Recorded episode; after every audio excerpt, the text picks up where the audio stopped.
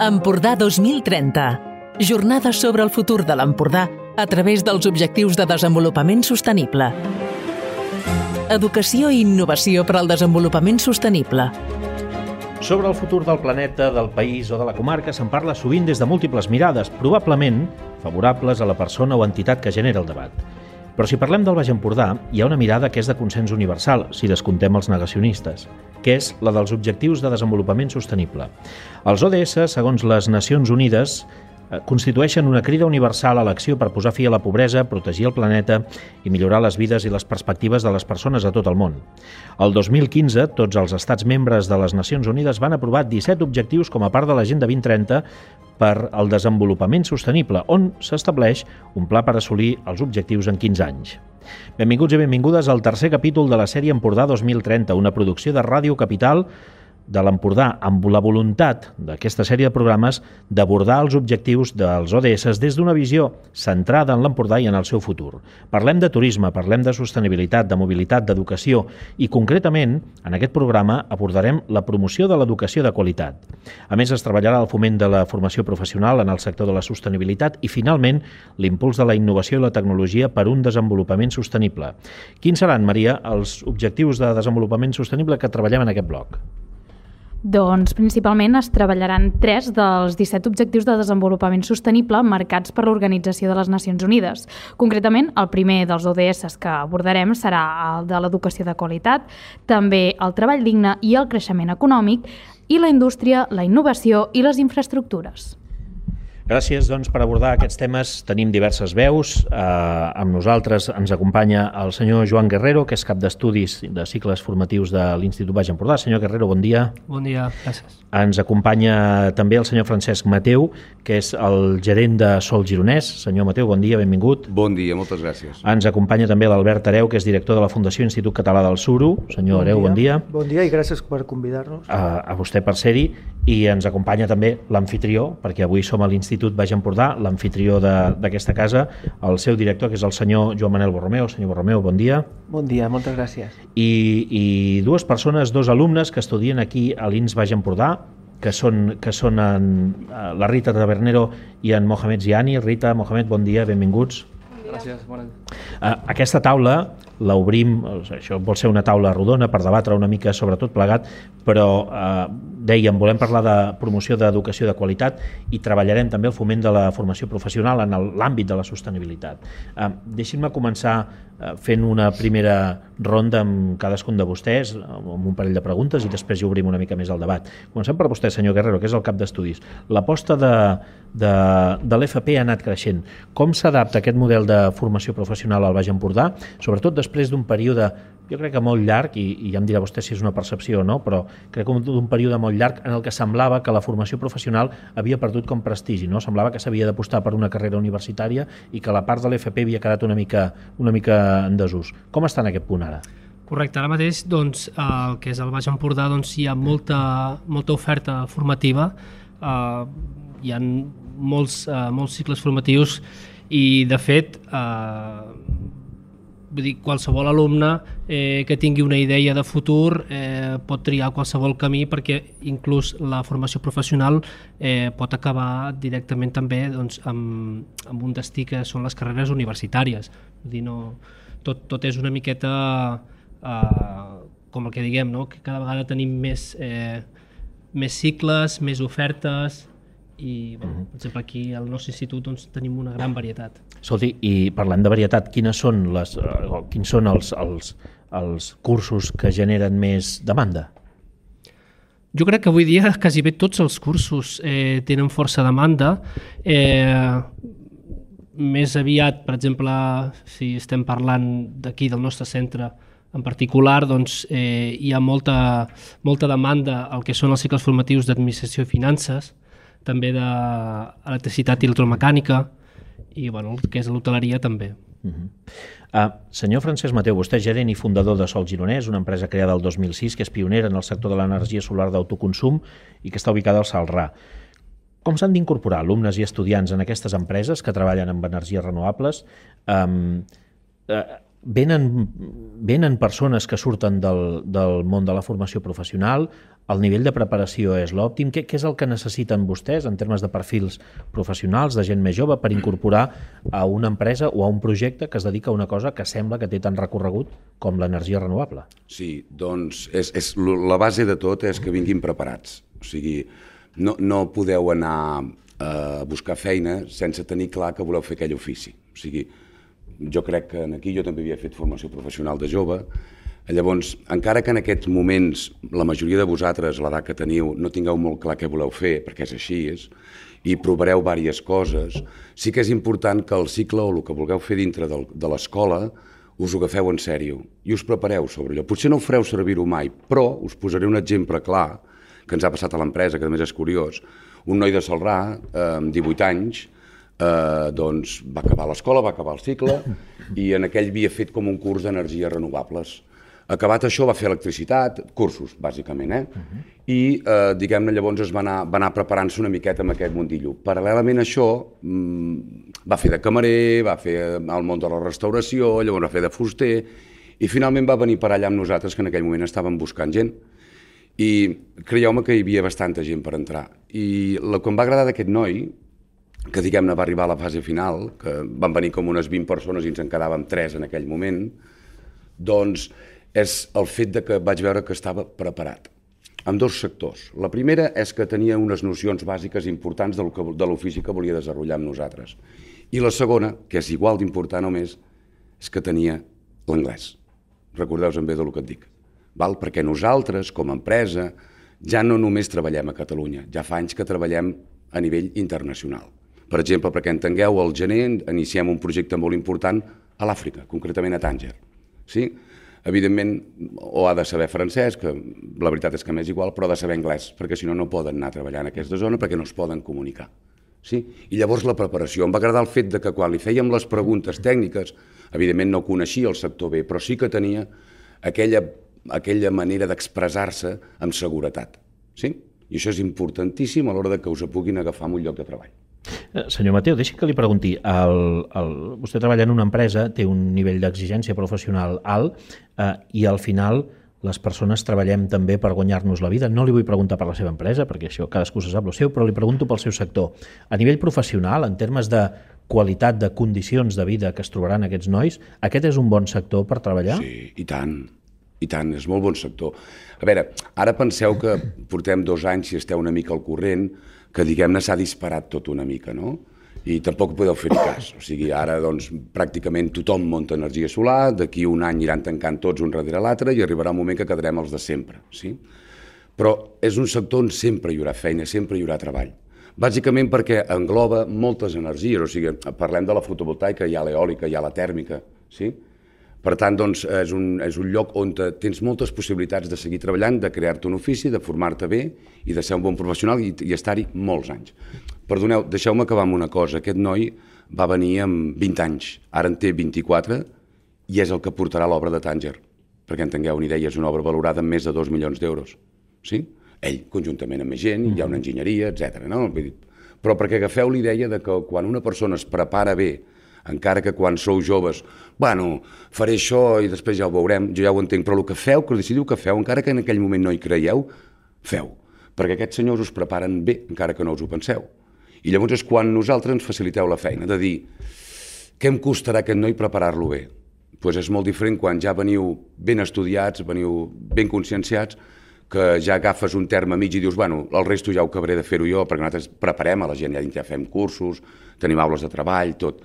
Però recordeu bé això, val? Vull dir, és un consell que us donaria a tots els que esteu començant o que en breu entrareu dintre del món del treball. I l'energia renovables en concret és un molt bon sector. Gràcies, senyor Mateu. Escolti, senyor, senyor Borromeo, director de l'Institut Baix Empordà, els preparen bé o no?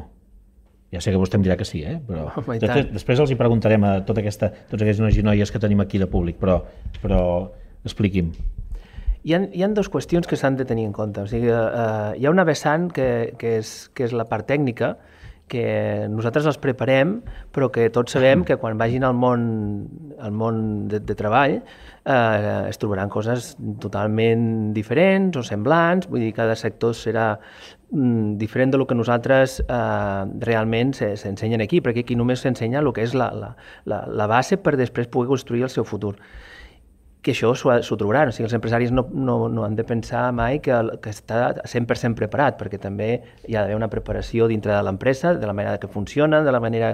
I aquesta és la, la, la preparació que nosaltres fem. Que ells després en el futur siguin capaços de millorar, de preparar-se, de formar-se, adaptar-se en el món empresarial. Que avui en dia ha canviat molt el, el, el, la, la joventut d'avui en dia no és la mateixa que, que fa uns anys i, i ells saben que s'han d'adaptar a, a nous canvis, els canvis són cada vegada més ràpids i, i la seva funció ara mateix és eh, adaptar-se ràpid, formar-se en tot el possible i que siguin versàtils i puguin tenir una... que puguin construir-se el seu propi futur i formar-se per ells mateixos. I això és el que nosaltres ara també estem treballant amb això. Vull dir, és que és primordial avui en dia mm, que un alumne, quan surti d'aquí, doncs ell mateix pugui arribar allà on te vulgui i, i continuar la seva formació, perquè la formació, de la, form la formació professional és al llarg de tota la vida, no és només aquí. Vull dir, hi ha alumnes que han marxat del nostre institut i després han tornat a venir a, a continuar formant-se, a, a fer altres cursos, Uh -huh. La formació professional ara ja és per tota la vida, no és només una etapa de la... Mm. Eh, escolti, això que dèiem abans al principi, no? que hi ha hagut una època en la que semblava que s'havia minusvalorat la formació professional eh, i que semblava que necessàriament eh, s'havia de passar per la universitat i tenir una carrera, no? Um, vostè això, des de, des de la perspectiva d'un institut com aquest, uh, ho, ho ha sentit així en algun moment? Sí, bueno, de fet, de fet hi ha famílies que, que encara eh, tenen aquesta mentalitat de que el seu fill ha de fer una carrera, ha d'estudiar un, una carrera i, i, i és l'objectiu que volen per, per, per al seu fill. No? Però hi ha molts camins per arribar a fer una carrera, no cal passar pel batxillerat, pot passar-se per un cicle formatiu de grau superior després de fer batxillerat, pot passar-se per un cicle de grau mitjà després d'un grau superior, o sigui, els camins eh, són, són molts per arribar a, a un objectiu i que avui en dia no se necessiten mm, eh, universitaris. El que fan falta són professionals eh, per treballar a les empreses, que és el que realment fa falta avui en dia. Sí, li, li volia preguntar, eh, coincidirem amb aquest, amb aquest període, això que dèiem, eh, l'institut en algun moment havia acusat, no sé si falta d'alumnes, perquè probablement em dirà que no, eh, però, però però vaja, diguem-ho diferent, ha notat un repunt de, de nois i noies interessats en estudiar aquí o no? O més o menys sempre la cosa ha anat bé? Uh, bueno, el que passa que aquest, aquests últims anys el que tenim és una demografia uh, que, bueno, que tenim encara, estem dintre del, del baby boom, el segon baby boom dels que era, van ser els baby boom dels anys 70, doncs els seus fills estaran aquí no, ara i, i llavors eh, tenim doncs, un boom d'alumnes que ho hem, ho hem vist en els grups de l'ESO que, que han augmentat no només en aquest centre, sinó en tota la resta de, de centres d'aquí de, de tota la comarca.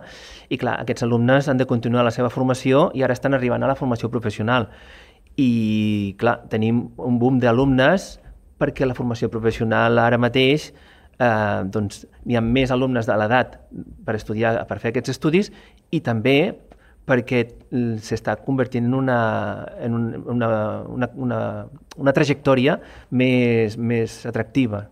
Escolta, jo mateix vaig estudiar en aquest mateix institut, li deia abans de començar, i aquí hi havia administratius, eh, electricitat i electrònica i mecànica, es deia així, no? Com ha canviat l'oferta? Com ha anat adaptant-se l'oferta formativa d'un centre com aquest, o de la comarca, si, si, si em pot fer la foto més a nivell comarcal, per adaptar-la a, a les demandes doncs això de professions, d'oficis, de model econòmic que també ha variat aquí al, al Baix Empordà? Bueno, clar, ha anat creixent. Tot això, abans els centres d'aquí de la comarca només oferien aquests estudis. Això ha anat, ha anat creixent, nosaltres també, els altres centres també, i clar, ara no només tenim tres, sinó que ara doncs, tenim ara cinc famílies, 11 cicles formatius, clar, tot va, la, la diversitat ha, ha augmentat i no només en aquest centre, sinó en altres centres doncs, que també s'han especialitzat eh, doncs, en l'informàtica, com a Palamós, o, o en sanitat, o s'han especialitzat més en, en esports, com a Torroella. Vull dir, eh, això és una, una, una, una realitat, que no tothom ha de ser mecànic eh, ni administratiu. Vull dir, hi ha molta diversitat i els alumnes cada vegada doncs, fan la tria més afí a el que se, se, li, se li dona més veu, que els agrada. Per tant, podríem dir que els centres més o menys complementen entre ells l'oferta formativa per tal que sigui més diversa.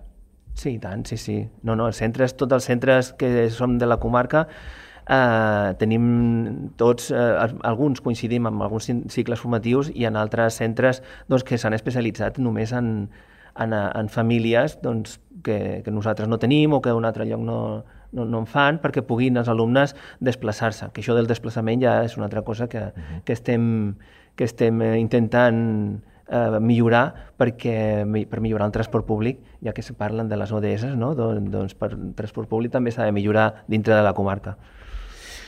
Molt bé, voldria parlar també amb el senyor Albert Areu, que és director de la Fundació Institut Català del Suro, que és una entitat ubicada a Palafrugell, amb la missió de promocionar el sector surer a nivell local, nacional i també internacional. Uh, senyor Areu, el, aquesta zona ha sigut un, una potència uh, com a mínim europea no? en, la, en la producció surera. En quin punt es troba ara mateix? Uh, en, en quin punt estem? Seguim tenint algun paper rellevant o o del suro ja ens el mirem més en termes de preservació històrica? Doncs eh, seguim tenint un paper rellevant. De fet, eh, eh, Catalunya és diguem-ne un de, dels clústers més importants a nivell mundial de, de fabricació de taps de suro, sobretot centrats en, en l'aspecte de qualitat.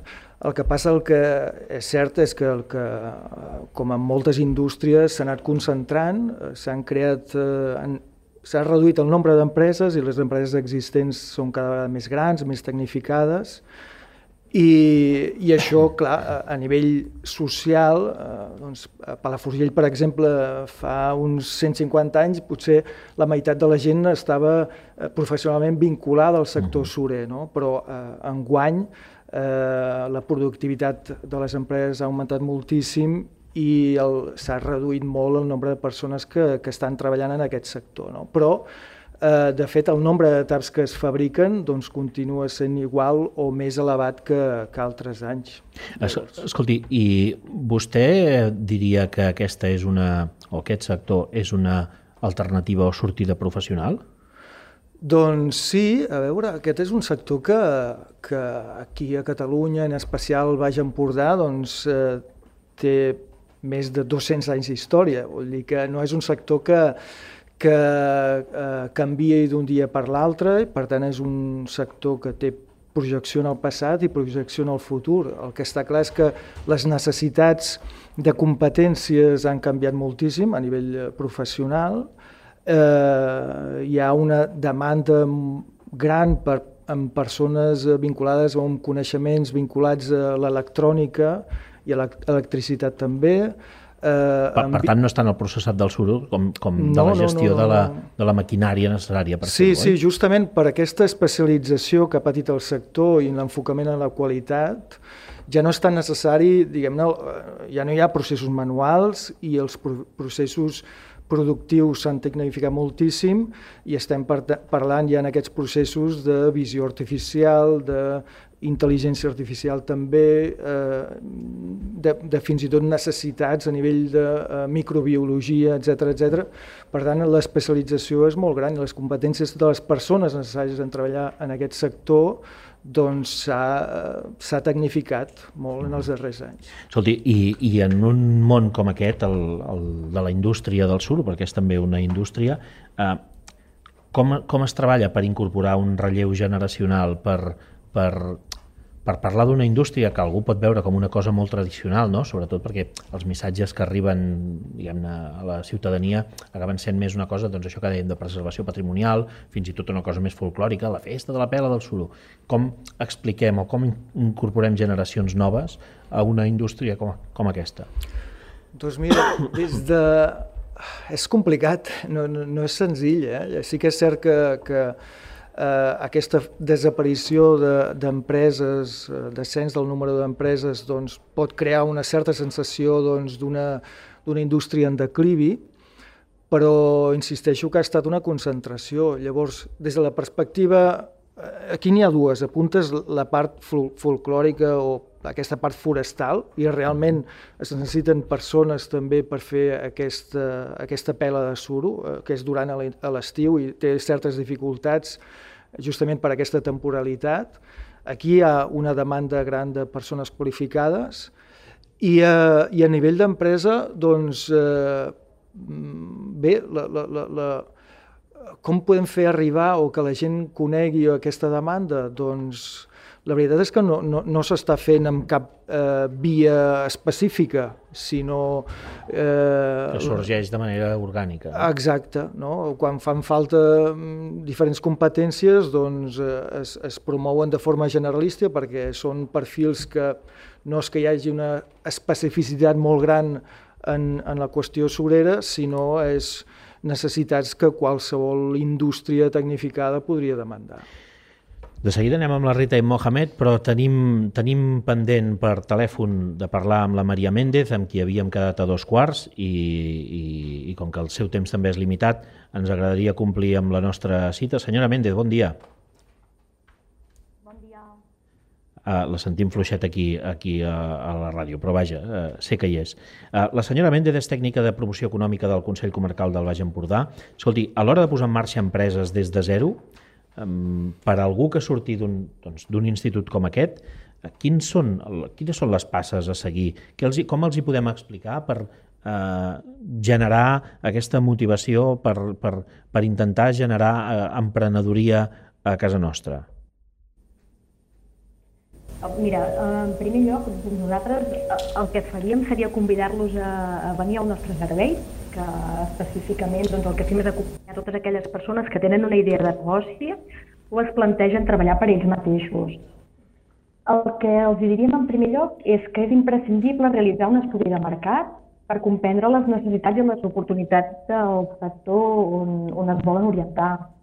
I que és molt important desenvolupar un pla de negoci que pugui recollir tots els aspectes des de la planificació financera fins a la identificació del públic objectiu. Mm. També pensem que és molt important tenir en compte doncs, com registrar la nova empresa i com complim tots els requisits legals i fiscals que, que requereix, definint la forma jurídica més idònia i, i poder-se també plantejar doncs, com farà front a tot el tema del finançament, si el cal, i, i crear una estratègia de màrqueting que sigui efectiva. Tot això és molt important per assegurar doncs, la viabilitat del negoci i perquè pugui, pugui créixer d'una manera sostenible. Escolti, i posem-ho una mica en el context eh, amb el que estem parlant, que és vostè com a tècnica de promoció econòmica. Eh, ara imaginem-nos que algun d'aquests estudiants que tenim aquí a la sala i que, estan, que ens estan escoltant decideixen una vegada, acaben la seva formació Eh, professional, en aquest cas, decideixen emprendre. Tot això que vostè acaba de dir, el Consell Comarcal ajuda, acompanya en fer tots aquests processos? Sí, sí, sí, tant. Nosaltres des del Consell Comarcal tenim, un, tenim diferents professionals que estan vinculats amb l'àmbit de l'empresa.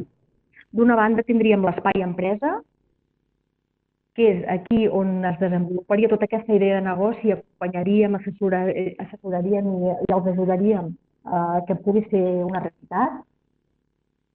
Llavors, aquí el que fem és, eh, a través de les cites que es necessitin i d'un acompanyament presencial si cal, doncs, elaborar un pla d'empresa on recollim tots aquests aspectes que abans us anomenava. Sí aquest assessorament i aquest pla d'empresa poden acabar amb, amb una forma de viabilitat que permet accedir també a millors condicions de finançament i també doncs, eh, poder potenciar tots aquells aspectes que aquests estudiants necessitin per poder tirar endavant la seva empresa. Perquè ens trobem moltes vegades amb què arriben persones al nostre servei que tenen molt clar què volen desenvolupar, però eh, pot ser que tinguin més dificultats en altres àmbits. No? Som molt bons fent una feina, ho tenim molt clar com la volem desenvolupar, però pot ser que àmbits com el financer quedin més lluny. Llavors, és important per part nostra doncs, que els puguem acompanyar en tot aquest procés, fem evidents tots aquells aspectes que cal tenir en compte per tirar endavant amb l'empresa i els puguem recordar. Uh, escolti, i vostè deu veure passar moltes propostes o molts projectes. El Baix Empordà, vostè podria dir que és una comarca, en termes de creació de tipus d'empreses, vostè creu que és una comarca innovadora o som una comarca més aviat conservadora que, que tirem molt cap a la creació d'empreses de serveis i amb una mirada molt centrada en el turisme?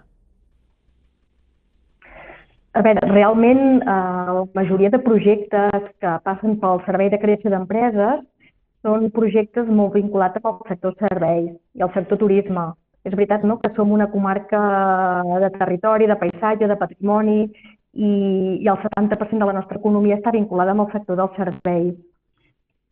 Per tant, és veritat que la majoria de projectes amb els que treballem i ajudem estan vinculats eh, en aquest sector, com bé deies.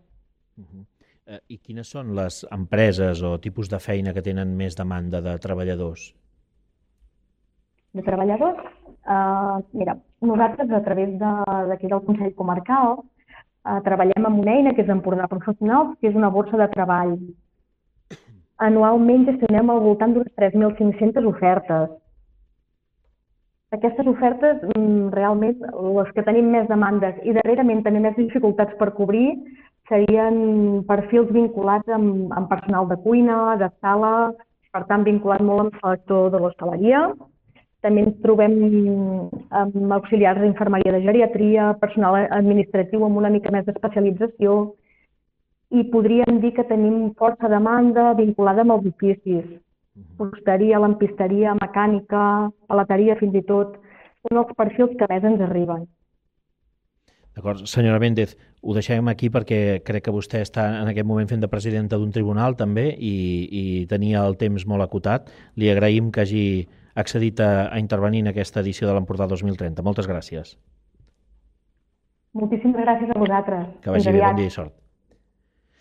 Um, a veure, Rita, Mohamed, uh, vosaltres acabeu de sentir la, la, la, la, la Anna Méndez, que deia o que explicava com, vaja, allò, una mica els passos de crear una empresa.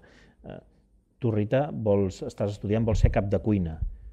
Uh, sí, estic estudiant per ser cap de cuina, per ser xef, però com bé diu el cicle és direcció de cuina uh -huh. i sí que potser no just quan acabi aquest cicle superior, però la meva idea sí que seria mm, muntar el meu propi restaurant i la meva això pròpia empresa. Tu t'imagines creant el teu, el teu propi espai? Eh? Sí, sí, sí, m'imagino, m'hi veig. M'agradaria molt, és un... sí, sí.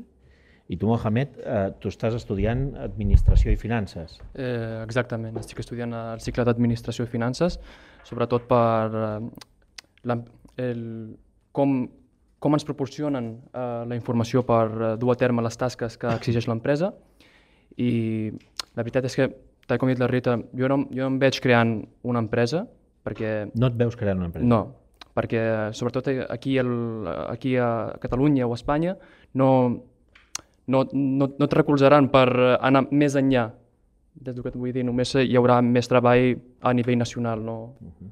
no hi haurà més oportunitats fora d'aquí. Per què? Per què, per què ho penses, això? Per, per l'experiència, per, tinc uh, bàsicament amics que han, han estudiat aquest cicle i han, han intentat obrir una empresa de manera autònoma, però no, no han arribat i han arribat a tancar. Uh -huh. Llavors penso que treballar per una persona i estar assegurat i tenir el mateix salari i tal és la millor, és la millor manera de... Uh -huh. Per tant, prefereixes tenir una estabilitat més que no pas assumir el risc o també l'oportunitat de, de, de tenir una perspectiva de millora. Exacte. Escolta, i, i i quan i per què vau decidir estudiar això que, que esteu estudiant, no? per cap de cuina o per o administració i finances? En quin uh, moment? Bueno, jo, de fet, des de ben petita eh, que estudio cuina, sobretot a l'aula gastronòmica de Palafrugell i tot, des de ben petita que sense saber per què m'interessa molt, bueno, el, meus par, el, el meu avi, el pare de la meva mare, era un gran pastisser de Palamós també, al meu pare li agrada molt la cuina, i des de ben petita que vaig decidir estudiar aquest Sí, Escolta, hi ha algun tipus de cuina específica que t'agradi o que t'agradaria centrar-te? O, uh. Bueno, últimament estic molt ficada amb la cuina asiàtica, però sí que és veritat que el producte que tenim aquí a Catalunya i a l'Empordà és és molt, bueno, és, hi ha molts de productes i encara hi ha molt a descobrir i sí que és, són productes amb els quals es pot, bueno, No, saps, poden fer saps hi coses ha molt restaurants, per exemple, japonesos que acaben fent allò com declinacions de gastronomia, fusions de gastronomia Sí, sí, catalana sí, i de fet, aquestes fusions eh, sí, asiàtiques i a l'Empordà ara també està molt de moda i tot això també, o al Perú també han fet una fusió amb el menjar d'aquí, està... Sí, sí. Uh, I una vegada acabis uh, aquí a l'institut, t'agradaria seguir formant-te o tens ganes ja de posar-t'hi? Uh, tinc ganes de posar-m'hi, però el que m'agradaria és agafar experiència en restaurants de- d'alto standing, diguéssim, per, bueno, per agafar l'experiència, per aprendre d'ells, anar a l'estranger també, això, aprendre molt d'idioma, aprendre molt d'anglès, aprendre d'altres cultures que tenen una diferent gastronomia i a partir d'aquí, quan hi hagi un encara un, aquí ens ensenyen molt, ens preparen molt bé, però d'aquí uns anys, quan hi hagi una gran experiència i un gran coneixement, sí que seria el moment, penso, d'obrir. Escolta, i de, després anem amb tu, eh, Mohamed? Uh, ho dic perquè així no hem d'estar movent el micròfon tota l'estona. Um, hi, ha, hi ha una cosa que, que també es diu, no?, que és la dificultat que tenen els joves per poder desenvolupar la seva professió en una zona com, com l'Empordà. I es parla d'accés a l'habitatge, es parla de mobilitat. Per tu Mhm. això representa un fre real o, o, o, o t'agradaria marxar d'aquí per una qüestió, doncs, no sé, d'anar a veure món, d'anar a viure en una gran ciutat, etc etc. Això en el supòsit que, o, o no, o pots dir-me, no, no, a mi és que m'encantaria viure aquí, desenvolupar aquesta idea i aquest negoci aquí. No, m'agrada molt estar aquí. Sí que és veritat que és un fre. El, alguna, bueno, com ha dit en Mohamed, sincerament també penso que, diguéssim, Espanya no és un bon lloc per, per obrir una empresa. No, penso que no, ten, no et donen les aj- ajudes o almenys les eines per poder fer-ho i m'agradaria anar a l'estranger per descobrir, però, bueno, això. Però vull dir, és a dir, tu et veus muntant un negoci aquí al Baix Empordà i no necessàriament anant, per exemple, a Barcelona, com fa molta gent de la teva edat. Uh, no, ani- aniria a Barcelona. Aniries a Barcelona? Jo sí que aniria a Ah, Barcelona. amigo, ja estem al cap del camí. Sí. Escolta, heu dit tots dos um, que, que, que això, que creieu que, no, que Espanya que no és un lloc uh, que propiciï l'establiment d'empreses. No sé, aquesta afirmació d'on parteix i què hi trobeu a faltar o què creieu que hauria de fer l'Estat o la Generalitat o l'Ajuntament per facilitar això?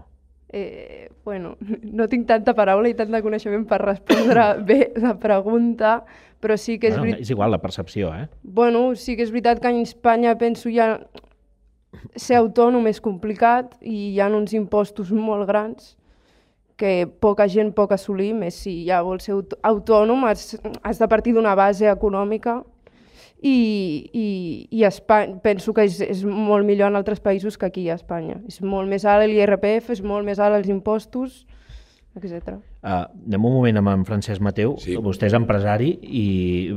Sí. Digui'm, això... Sí, perdó, només volia raó o no? comentar, eh, quan he escoltat a la senyora Méndez del Consell Comarcal, a mi personalment no he percebut que volgués dinamitzar molt eh, la progressió de, de fer-te una empresa o de crear-te o de fer-te autònom. Ha acabat parlant molts de llocs de treball, això és mm. lo fàcil. Eh, el tema del finançament no l'he escoltat bé, però dubto clar, fins a quin punt es poden financiar. O sigui, jo m'agradaria saber aquesta senyora llàstima que ha penjat. Sí. Si no, jo hagués entrat, eh, ràpid, perquè no m'ho crec. Llavors, eh, el, que, el maco, el que faria que aquests senyors, aquests nois, amb aquesta empenta que tenen, canviessin de parer, és que aquesta senyora digués, no, no, veniu, porteu-nos una idea, us la finançarem, i si surt malament, doncs, bueno, és el que hi ha. Perquè No, passarà. Vostè sap també que el Consell Comarcal té un marge de maniobra petit. No, no, no estic jo aquí per No, no, la senyora però és que eh? tampoc ella Però- demana res de l'altre món. O sigui, a veure, jo, evidentment, jo ja entenc que tu no pots ara de cop i volta construir un restaurant, no? Però sí que pots fer altres coses, vull dir, no ho sé. Escolta'm, no, no, no en tinc ni idea eh, de, de com seria el vostre sector per començar. Però jo no hi veig un atractiu. O sigui, ja, ja dintre de les nostres institucions, jo no els hi veig una promoció directa de dir no, no, veniu, va, vinga, comencem, uh, tirem endavant. Vostè està d'acord, eh, que crear una empresa a Espanya és A veure, jo com vaig crear la meva empresa, tenia el doble d'edat que vosaltres, eh, jo vaig haver d'hipotecar casa meva. Això és així, deixeu-vos estar d'històries. És així. Per tant, la idea l'heu de tenir molt clara, heu de saber que les entitats bancàries no sereu res més que un número, per tant, haureu de portar, com a mínim, amb un valor específic, el que demaneu amb ells. Suposo que si hi ha algun senyor aquí em donarà la raó, o, o, o sí, i llavors a partir d'aquí te l'has de jugar. Eh, estaria molt bé que aquests senyors, eh, aquests senyors o qualsevol altre, dinamitzessin d'alguna manera. És clar, a veure, jo us posé un exemple dels Estats Units i el conec molt real, mm, no té res a veure amb això. O sigui, allà eh, pràcticament el 70% de l'alumnat estaria volent crear una empresa. I eh, d'aquest 70%, probablement un 30 o un 40% caurien, però hi tornarien, i tornarien, i tornarien. La diferència d'aquí és que jo suposo que, degut a que ja la nostra història no ajuda, i els organismes oficials que tenim que ens haurien d'ajudar, amb ells, eh? no, no a mi, a mi ja no ens ha d'ajudar ningú, però amb ells sí, ara és el moment, perquè aquesta noia acabarà canviant de parell, acabarà sent una gran cuinera d'un restaurant, i d'aquí no et mouràs. Això és el que normalment, ojalà no, acabarà passant. O bé ell, que ja directament diu, per lo que m'han explicat és tan terrible, perquè és complicat. Això has de saber-ho. I ningú t'eximirà de pagar impostos, també ho has de saber-ho. Sí? A partir d'aquí, doncs, com que tenen o sigui, tenen les mateixes possibilitats de jo de crear una empresa quan jo ara tinc molts recursos per fer-ho, vosaltres no en teniu cap, llavors us l'heu de jugar. I jo no hi veig clarament, amb tot el meu respecte, sí, sí, tant, tant. Que aquests senyors mm, ajudin com més o menys m'ha semblat entendre. Potser ho he entès malament. Uh, Mohamed, tu en quin moment i per què vas decidir estudiar el que estàs estudiant, aquesta, aquest, aquesta administració i finances? Bueno, doncs jo he sigut un, una persona molt desorientada eh, en l'àmbit de l'educació perquè vaig acabar l'ESO eh, escollint la modalitat de, de l'economia, em va agradar, eh, era bo en, en aquest àmbit, vaig fer el batxillerat tecnològic i acabant vaig dir eh, realment m'agrada aquest, eh, aquesta modalitat.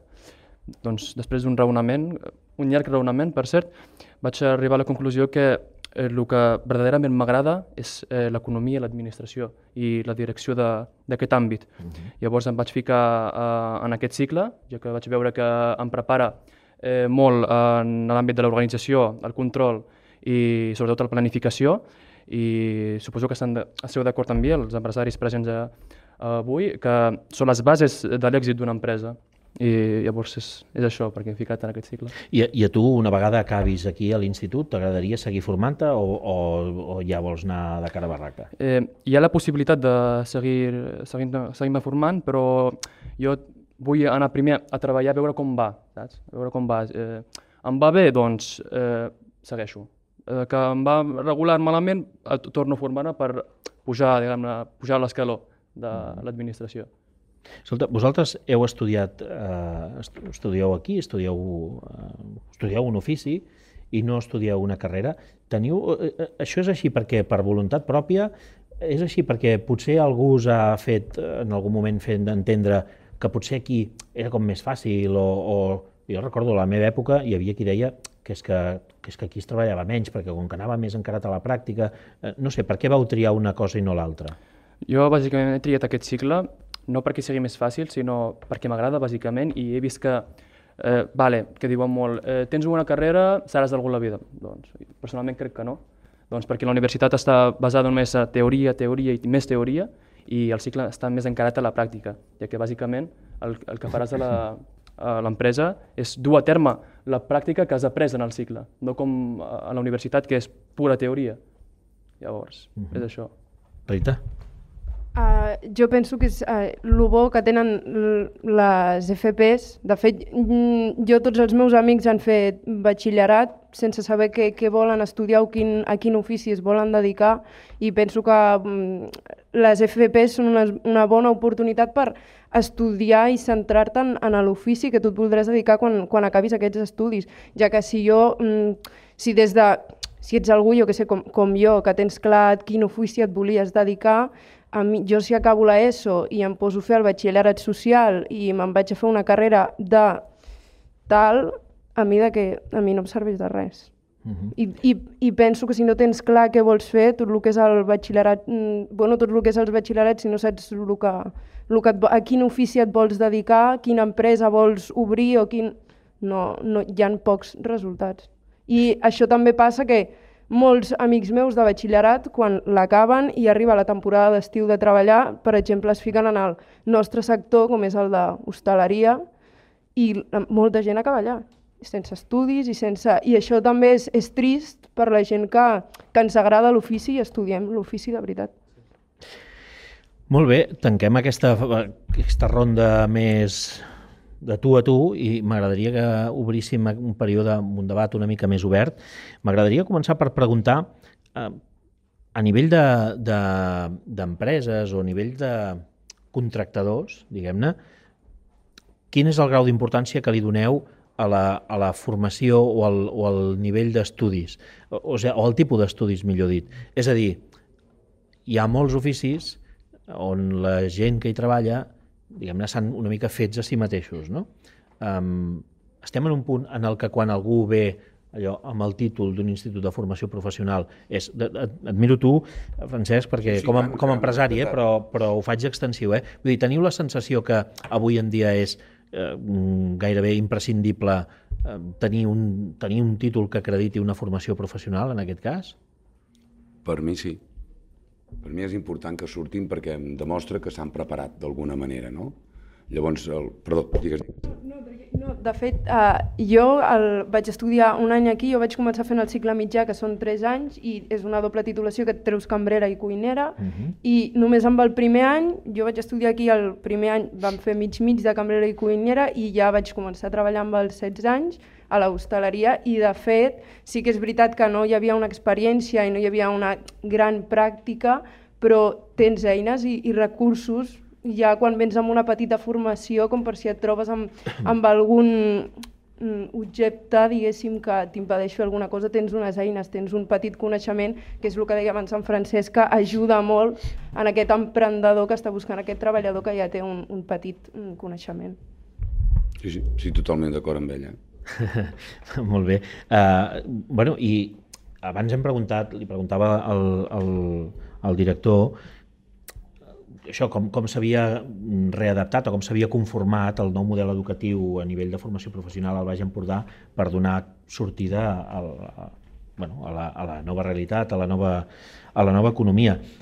Les empreses, vosaltres com a instituts, teniu relació amb les empreses? Hi ha, hi ha espais de, de trobada o de, d'això, de, de facilitació de, de contacte entre alumnes que surten d'aquí i empreses que poden tenir demanda? Com es fa això? Bueno, prim, primer, que molts, molts alumnes o exalumnes dels nostres centres són els que han creat les empreses que tenim ara en, a, en a la comarca. Vull dir que també són exalumnes nostres i tenim un contacte doncs, de que ha estat el seu, el seu institut i, i clar, també els alumnes que nosaltres portem a les empreses a fer formació que tenim més de 200 empreses a les que portem alumnes a fer formació, doncs també tenim aquest contacte eh, amb ells per, per, per formar-los i amb la formació dual també. Tenim empreses que estem treballant amb ells fent formació dual i, i estem conjuntament amb les empreses formant formant entre, entre l'empresa i nosaltres eh, els, els, nous, els nous futurs eh, treballadors de, de, de, de diferents sectors. I això, doncs, la relació és molt, molt estreta, perquè tots els tutors de formació en centres de treball que tenim en el nostre centre doncs, tenen contacte mm, pràcticament doncs, eh, trimestral eh, amb les empreses per fer un seguiment de l'alumnat, per, bueno, per millorar la situació d'algun alumne, alguna, bueno, tot, totes aquestes relacions que tenim doncs, es mantenen i tenim molta bona relació amb les empreses. Mm -hmm. Joan Guerrero, quan, quants alumnes sortiran d'aquí aquest any? Bueno, a veure, de grau mig, Joan, si no m'equivoco, doncs tens 200... 200 i pico. Que 200 passa que i això... sí. Clar, de, de grau mig, llavors hi ha els de grau superior, vull dir que vull dir, cada any sobre uns 300, 300 com a mínim sempre. No, no sé, us ho pregunto fins i tot a tu, Albert, eh? eh creieu que el Baix Empordà té la capacitat d'absorbir tota la quantitat de gent que cada any surt dels, dels centres? Cri, cri, cri, cri.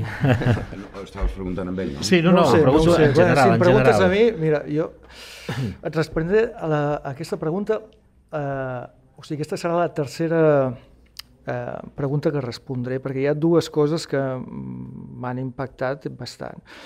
Bueno, la primera és, eh, sí, el, el tema de la preparació. o sigui, el, el tenir un títol. Val? Nosaltres, quan fem una selecció de personal, el títol és pràcticament es dona per descomptat. O sigui, quan entrevistes algú és que té el títol, val? si no ja no entrevistes.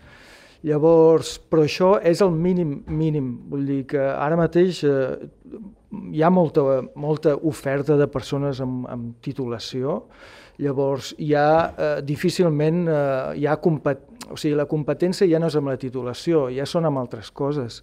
Abans el francès apuntava l'idioma, l'idioma és indispensable, o sigui, a part de català, castellà, com a mínim anglès i ja no dic francès, que, que aquí és molt necessari. I l'altra qüestió és experiència eh, internacional. Eh, si tu, si, i, i això nosaltres ho valorem molt, si és una persona que ha viscut fora, ha estudiat fora, doncs aquesta persona passa per davant d'algú que no ha fet perquè això demostra moltes coses, demostra emprenedoria, demostra vitalitat, empenta, etc etc. Per tant, això és important. O sigui que el títol ara mateix és el, el mínim per, per, una, per una selecció. Llavors, l'altra qüestió, emprenedoria, ostres, m'ha impactat molt que potser la mostra no és representativa, no? però que dues alumnes eh, eh, entrevistats doncs, tinguin aquesta opinió de, de que emprendre pràcticament no val la pena a Espanya, això, això és un desastre. Jo crec que i, i a nivell de, de, de, del sistema educatiu... No, amb l'afirmació. La, Home, eh, està clar que les barreres d'entrada, o sigui, ja dic, des de la meva experiència inicial com a autònom, doncs eh, estic d'acord amb la Rita, no? que, que és clar, comences a treballar i, i has de pagar eh, impostos sense... Bueno, sense facturar pràcticament, Sense no? facturar pràcticament, això ja t'impedeix, no? i això a futur, etc etc. O sigui, Mm, jo crec que no, o sigui, l'administració, demanar-li finançament, ja, ja no, no arribo tant a això, però sí que facilitar, fa, facilitar les coses. No? Però sí que també penso que des de, des de l'escola, és que potser jo, eh, això per desconeixement ja es fa, però l'escola, tota aquesta qüestió d'emprenedoria, jo crec que s'hauria d'empantar i de motivar, eh, i sobretot aquí al Baix Empordà, o sigui, hem de pensar que que els serveis donen molt poc valor afegit, valor afegit al, al país, a la indústria, a llocs de treball, a la productivitat. Per tant, és una llàstima que, que, que haguem de recórrer doncs, eh, bueno, a salaris baixos, eh, a treballar pel turisme, doncs, doncs perquè no hi ha aquesta motivació també d'emprenedoria. No? I l'altra la, la, pregunta, doncs mira, respon dues i la tercera se m'ha anat del cap, eh, que és l'últim comentari que has dit i no, no recordo què preguntaves. Uh, sí, parlàvem sobre, sobre si el mercat laboral té capacitat d'absorbir. Val. Uh, aquí no, no et sé ajudar. Jo sé que nosaltres, les nostres les persones que, que treballem, uh, en el nostre cas particular, són gent de, de cicle formatiu en laboratori, venen de Girona, i alguns estan per aquí a Palafrugell i ens nodrim de gent de Palafrugell. Eh, però jo diria que el tema del laboratori, no, al Baix Empordà no hi ha cap centre. Uh, uh, Joan, sí. els alumnes que venen aquí, se'ls se se ensenya un ofici o se'ls hi explica també el post? Eh, és a dir, estem parlant d'emprenedoria, no? O de com generar una empresa. Se'ls anima, se'ls motiva, se'ls explica com, eh, com, com emprendre o si els explica a fer una feina determinada i, i, i aquí acaba el vostre rol? De, de fet, eh, ells tenen una assignatura d'emprenedoria, de, de, vull dir, ells d'iniciativa i, i està dintre del, del, del currículum de tots els cicles formatius. És allà on s'hi explica eh, com funciona el tema de finançaments, el tema de l'RPF, de, de, de crear l'empresa, tot de, del tipus de, de bueno, tot el tipus d'empreses que n'hi han, tot això s'explica, eh, eh, se'ls explica i possiblement també el, el fet de tenir coneixement de tota aquesta, de tota aquesta realitat poder és el que fa que, com que ho saben i ho veuen, doncs poder és el que se frena una mica, perquè a vegades te tires a la piscina... Deixeu d'explicar-los, doncs. Exacte. ja s'ho tro ja trobaran. Te tira, exactament, és el que, és que és, clar, si tu li expliques tot el que es poden trobar, doncs clar, diuen, ah, això és el que me puc trobar. Doncs, bueno, t'has d'atrevir, no? Saps el que hi haurà, no? I, i sí, se'ls explica i se'ls explica molt ben explicat tot, el, que, el que podran fer en el futur i com poden crear una nova empresa, fins i tot fan, en alguns d'ells fan un petit projecte d'una empresa, o sigui, presenten una, una, una empresa que fictícia i, i d'altres cicles també, doncs tenim dintre dels, dels cicles també empreses, empreses virtuals, vull dir, això, això ho tenim i ells ho saben. El que passa que potser que poder en saben massa i com que saben tot el que hi ha, doncs poder, eh, a vegades l'atreviment eh, ve per la ignorància, no? I si ho saps tot, doncs ja poder no s'atreveixen. Els expliqueu que hauran d'hipotecar la casa o no, com en Salvador deia abans? Uh, uh, Mohamed, i un dels, una de les coses de les que s'està parlant ara ja fa un parell d'anys i que, a més a més, sembla que això serà així per bastant de temps, és tot el que té a veure amb la, amb la revolució digital, amb la intel·ligència artificial, no? que sembla que està cridat a, a revolucionar moltes maneres de treballar, moltes maneres de fer processos i feines com la que tu estàs fent, doncs podria ser que les acabés fent una màquina. No sé si tu hi has pensat en això, si, si, si tens alguna opinió al respecte, si la intel·ligència artificial és una eina que ara et va bé per fer treballs, o, o, o tu planteges, estàs fent aquí un somriure, algun n'has fet eh, amb el xat GPT, no passa res. Uh, deia, no sé si per tu és, és, és això, és un repte o, o ho veus com una amenaça també a mig termini, no? de dir, ei, hosti, que si jo em foto a fer administració i finances, pot haver-hi un moment que una màquina faci aquesta feina per mi. Eh, sí, jo ho percebo com una, com una amenaça, però a l'hora de dir que sempre hi haurà una persona que controli tot això. No ho podrà fer tot una intel·ligència artificial, ja que al cap i a la fi la intel·ligència artificial està creada per l'home. Entens el que et vull dir? Uh -huh. I, I és això, sempre hi haurà algú per sobre que eh, controli això es fa de tal manera i aquesta es fa d'altra manera. Llavors no, no ho percebo com una amenaça en si, però hi ha, hi ha el risc que sí, sí, que tot sigui tot digitalitzat o que ho controli tot un, un robot com el xat GPT, però I els que us dediqueu a això de la formació, eh, a banda del repte d'intentar que els alumnes no copiïn i l'autenticitat de les feines que facin, que això ja m'ho imagino que és un repte, però això, en certa manera, ja us ho fareu, eh, a l'hora d'aplicar tot aquest canvi que està arribant, eh, això com s'ha d'explicar? Mm, és a dir, la, la formació dels alumnes, hi haurà un moment en el que haureu d'ensenyar als alumnes com utilitzar aquestes eines per fer la seva feina o, o, o, o no, o diguem-ne el procés formatiu, el procés educatiu ha de seguir sent més o menys com, com, com l'actual i ser una mica més ortodox. És a dir, imaginem-nos algú que vulgui estudiar idiomes. Té sentit que estudi idiomes en moments en què ja hi ha eines que fan traducció automàtica i simultània, pràcticament? O hem de seguir estudiant idiomes perquè hi ha una qüestió també de desenvolupament intel·lectual que és important? Home, jo crec que la figura del professorat mm, és important. A més a més, el que és el, el, el tracte humà i el tu a tu, o per exemple ara que deies els idiomes, bueno, doncs les entonacions potser els faran molt més bé una persona que no pas una màquina i pel que fa a la resta d'ensenyaments de, professionals eh, sempre hi haurà el que se'n diu la mà d'obra, el perfeccionament. Eh, no pots posar una intel·ligència artificial a la cuina, sí, perquè et faci les comandes, perquè et faci eh, qualsevol cosa tècnica, però les mans del cuiner són el més important, igual que les mans d'un fuster, d'un electricista, vull dir, eh, aquí hi ha el que és tot el treball d'equip humà darrere. Mm. Rita, tu t'imagines eh, ensenyant o explicant-li a una màquina, o tu t'imagines sent la primera xef eh, del país que, que treballi amb una màquina, que en comptes de posar sal a l'olla li entreni una màquina perquè posi la dosi perfecta que correspon? Eh, no m'ho imagino perquè no m'agrada ni la Thermomix, llavors... Bueno, no, ja no parlava de la Thermomix, home, llavors... m'estava imaginant més una IA connectada a un ja, robot, saps que hi ha robots eh, sí, sí. Que, no. que es dediquen a, a, a cuinar. Sí. Uh, no, igual que ara, bueno, fins i tot a Barcelona hi ha tots, mm, tot això que són bufets i tal, hi ha robots que són cambrers, hi ha... Però jo no ho faria. Un robot et pot dir, ah, aquí te traigo no sé què, i sempre... però mai es una màquina mai, mai de la vida podrà cuinar amb, amb l'amor que ho fa un xef, ni podrà servir amb, amb, amb el respecte i amabilitat que ho farà un cambrer. Mai. Llavors no, no m'imagino. convencent i tot. ah, Joan, quin repte suposa per un, per un centre educatiu tot això? Vull dir, com, com us heu d'adaptar? Això que dèiem, no?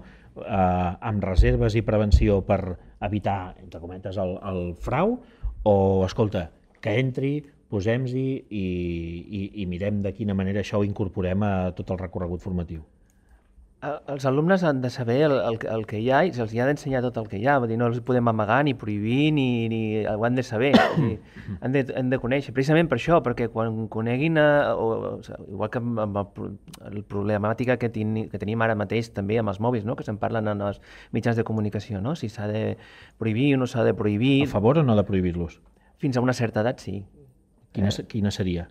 Jo crec que als 14 anys, fins als 14, s'hauria de prohibir. D'acord i després a partir dels 14 s'hauria d'ensenyar a fer-lo funcionar, vull dir, però no fins... O sigui, s'ha d'ensenyar, de, ho, han de, ho han de veure, se'ls ha d'explicar el que és el que està bé, el que no està bé, eh, com s'utilitza per utilitzar-lo bé, si en el cas que es faci servir i sigui útil, i jo crec que, que ens hem d'adaptar al que hi ha, no, no podem tapar-nos els ulls i, i, i veure que no, no, no existeix tot això, no?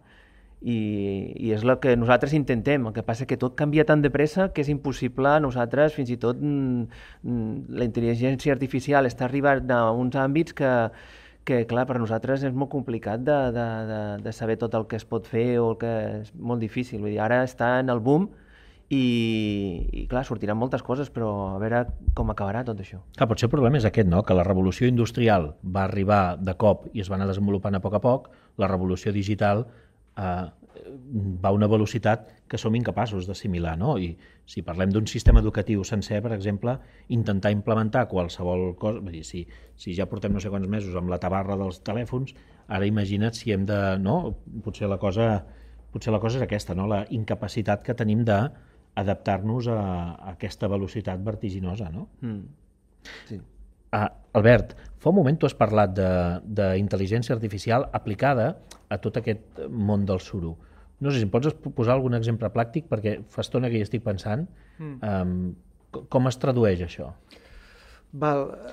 Clar, és, és una miqueta aquesta qüestió que abans dèiem de, de la ignorància dels taps, no? Uh, quan, quan un sommelier, per exemple, doncs, destapa una ampolla, doncs veu una, una cosa que no li dona mínima importància. Nosaltres, d'alguna part, intentem canviar això, però en la fabricació d'un tap eh, doncs hi ha moltíssims controls. Eh, controls sensorials, controls eh, fisicoquímics, controls químics, eh, controls eh, visuals, i justament, mira, l'última, diguem-ne, innovació són en aquests controls visuals, que habitualment doncs, ho fa una persona, l'ull humà, doncs eh, bé, amb, amb intel·ligència artificial doncs, aquest, aquest control visual doncs, ho pot fer realment una màquina, uh -huh eh, que detecta i interpreta doncs, aquells, aquells defectes. O sigui, una, una, una, la, la, hi ha la qüestió d'imatge que passa, es trasllada a dades i aquestes dades, doncs, amb intel·ligència artificial, es descriu doncs, eh, aquell defecte i, i, eh, i, i eh, doncs defineix divers, diver, diferents qualitats per aquell tap de suro. No? Això fins i tot també a nivell de l'estructura química del material, perquè a l'interior doncs, poden haver certes molècules que poden causar defectes en el, en el material i la identificació d'aquestes molècules doncs, també es comença a fer per intel·ligència artificial.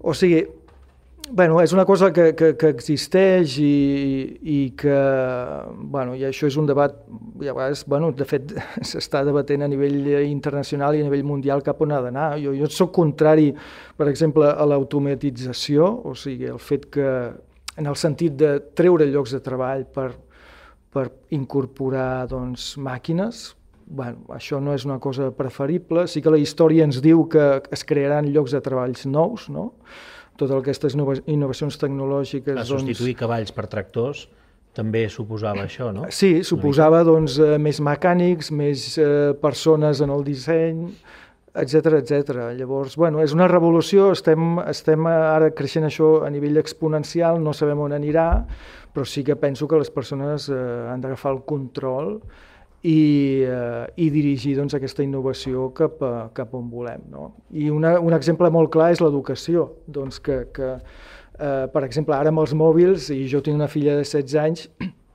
doncs això ha estat un descontrol i penso que, que, bueno, que, que, que tota aquesta tecnologia doncs, eh, hem d'agafar eh, les regnes i decidir cap on volem que vagi. Tots vosaltres, que segur que teniu mòbils, us heu salvat, eh, que es generi aquest debat ara, tot això fa que us hagueu salvat d'una restricció total de, de telèfons, eh? Vull dir que mm, per edat ja no us tocarà.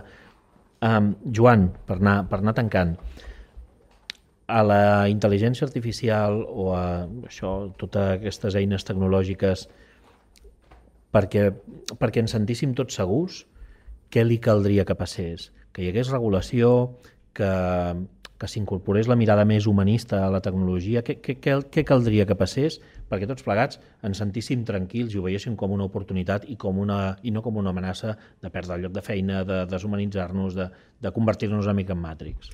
Jo crec que bueno, això hauria de ser un 50%. Diuen, pues, depèn de, quines, de quins oficis o de, de quines professions sí que s'hi pot incorporar la intel·ligència artificial, eh, digitalització, etc. Però bueno, és el que dic jo, no? que sempre hi ha aquell punt més humà.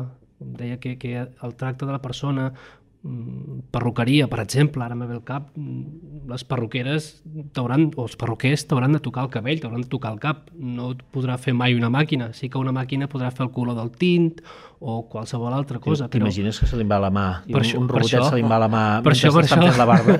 per això, i, i el, el que és el contacte humà, el persona a persona, els mecànics, els electricistes, quan, quan, quan parlen amb el client, quan els explica quin és el problema que hi ha en el seu cotxe o, en el, o a la seva vivenda amb el, amb el sistema elèctric, vull dir que hi ha d'existir-hi, sí, però sempre amb una miqueta de, de cautela. M'imagino, Francesc, que això és una oportunitat també per millorar molt l'eficiència d'instal·lacions com, com les que feu vosaltres. Sí, evidentment, a veure, que, que el que és el tema tecnològic eh, és molt important que es vagi innovant, que ho està fent, i que va molt per sobre de moltes altres tecnologies, està clar, i ens interessa molt tenir-ho, però no, no, no ha de poder mai eh, a passar per sobre de lo que és les relacions humanes o el personal. No s'ha de permetre, i, i no crec que passi, o sigui, en el meu sector és bàsicament impossible, però però de tota manera, a veure, a, a, la conversa, el debat o el col·loqui que estem tinguent en aquest moment seria impossible fer-ho amb màquines. Per tant, hi ha una part important que són les emocions i les relacions, que això no tindrà mai una màquina. Bàsicament perquè serem molt burros de crear-les si, si ho fem així. No? Per tant, a mi no em fa patir. Jo crec que ens hem d'adaptar-ho, que tot el que sigui tecnologia a nosaltres ens va molt bé, evidentment, a nosaltres quan pugem a dalt d'un taulat, haver de caminar de punta a punta o agafar un làser i fer-ho, doncs ens va molt bé. Això és una millora tant a nivell de seguretat com a nivell de treball. Però a partir d'aquí que ja hi haguessin robots que muntessin, home, crec que és pràcticament impossible. Doncs escolteu, portem una hora llarga de, de xerrada. Francesc, Joan, Albert, Joan, Mohamed, Rita, gràcies per voler participar-hi. Joan, especialment gràcies per voler-nos acollir. A vosaltres també, gràcies per venir, que també us heu salvat d'alguna horeta d'alguna cosa que devíeu haver de fer vull dir que ja va bé també, eh, i gràcies a, a les persones que ens, que ens esteu seguint. Empordà 2030 no s'acaba, ara veureu un reportatge que ha preparat l'Anna Salvador sobre com funciona l'oficina tècnica de suport als polígons eh, que tenim al, al Baix Empordà, el que abans en dèiem polígons industrials i que ara són una mica de tot, polígons industrials, comercials, de serveis, eh, doncs això, Ara veureu un reportatge sobre com funciona aquesta oficina i com ajuda al desenvolupament d'aquests polígons, a la promoció també dels, dels polígons que hi ha a la comarca. Moltes gràcies i seguim.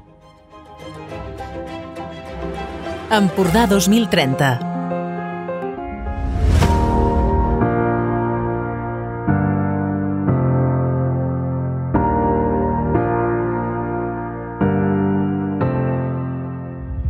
L'Oficina Tècnica de Suport als Polígons és una oficina d'àmbit comarcal que el que vol és industrialitzar la comarca d'una manera conscient.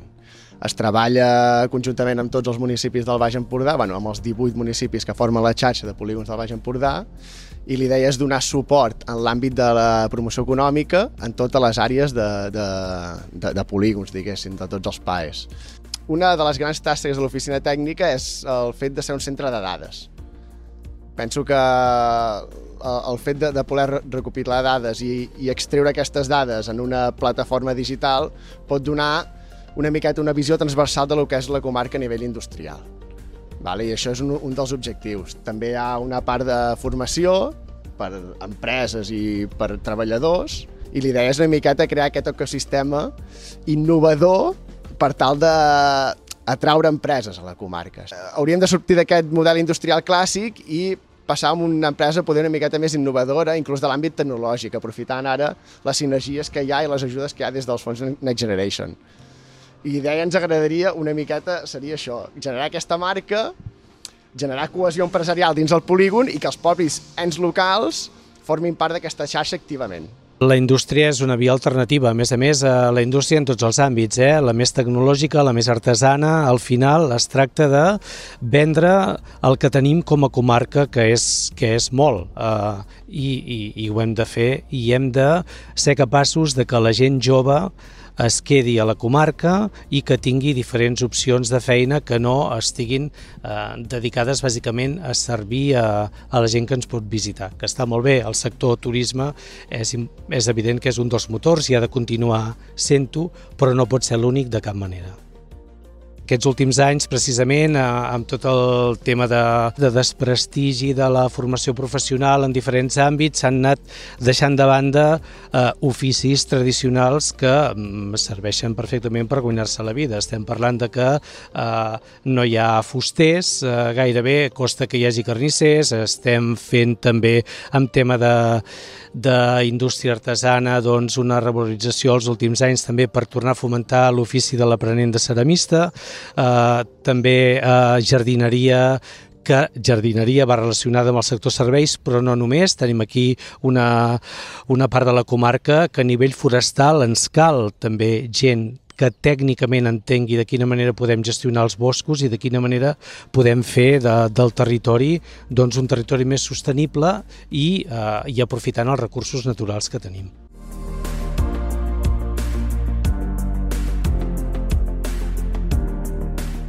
Jo el repte més gran crec que és generar aquest, aquest, aquest ecosistema en el polígon saps? Uh, per exemple, implementar una xarxa 5, 5G per captar talent en l'àmbit de les noves tecnologies, que cada polígon tingui una associació d'empresaris per optar a subvencions a la transició energètica, eh, sortir d'aquest model eh, industrial clàssic i sortir també d'aquest model turístic i intentar que la gent treballi tot l'any aquí en els polígons, és a dir, que el polígon en si sigui una eina de promoció econòmica de, de cada municipi i un camp de proves per generar noves iniciatives i promocionar la innovació. Què voldríem? Voldríem que tots els, els polígons anessin evolucionant, que qualsevol empresa que vingui de fora es pugui instal·lar a qualsevol dels polígons que tenim en aquest moment amb naus a disposició. Hi ha algun polígon que el tenim més ple, però hi ha polígons de municipis eh, que costen més de tirar endavant pel que sigui i, i aquí és on estem tots remant a la mateixa direcció i hem de continuar-ho fent. Eh, hem d'aconseguir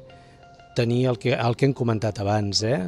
Tenir empreses que es dediquin a diferents àmbits a la comarca i que puguem retenir el talent jove que, que tenim a la comarca perquè es quedin al Baix Empordà.